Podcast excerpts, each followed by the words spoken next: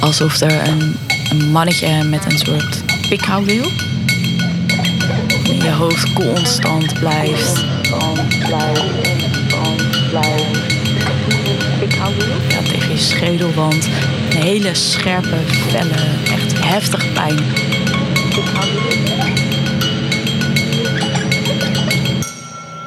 Tienduizenden mensen die bijna niets meer kunnen.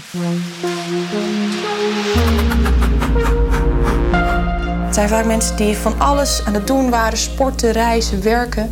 En opeens komt je leven op pauze te staan. Ik wilde mezelf eigenlijk de hele dag zo in mijn gezicht slaan: van kom op, word wakker, ga ervoor. Maar de- ik werd niet wakker. Een deel wordt maar niet beter. We vinden dus niks met de gewone onderzoeken: een longfunctie, een CT, een MRI van het hart. Een gewoon bloedonderzoek komt meestal normaal terug. Wat is er met deze mensen aan de hand?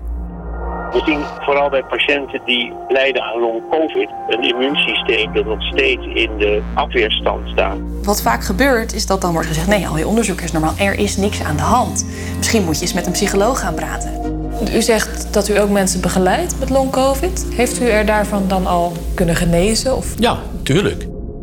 Dus er zijn mensen die door psychologische behandeling van hun klachten afkwamen. In de podcast Long Covid, de schaduwpandemie, gaan Anne-Sophie van den Toren en ik, Rianne van der Linden, op zoek naar antwoorden over deze nieuwe ziekte.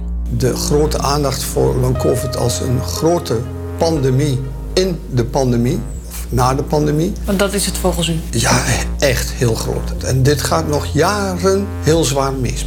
Echt.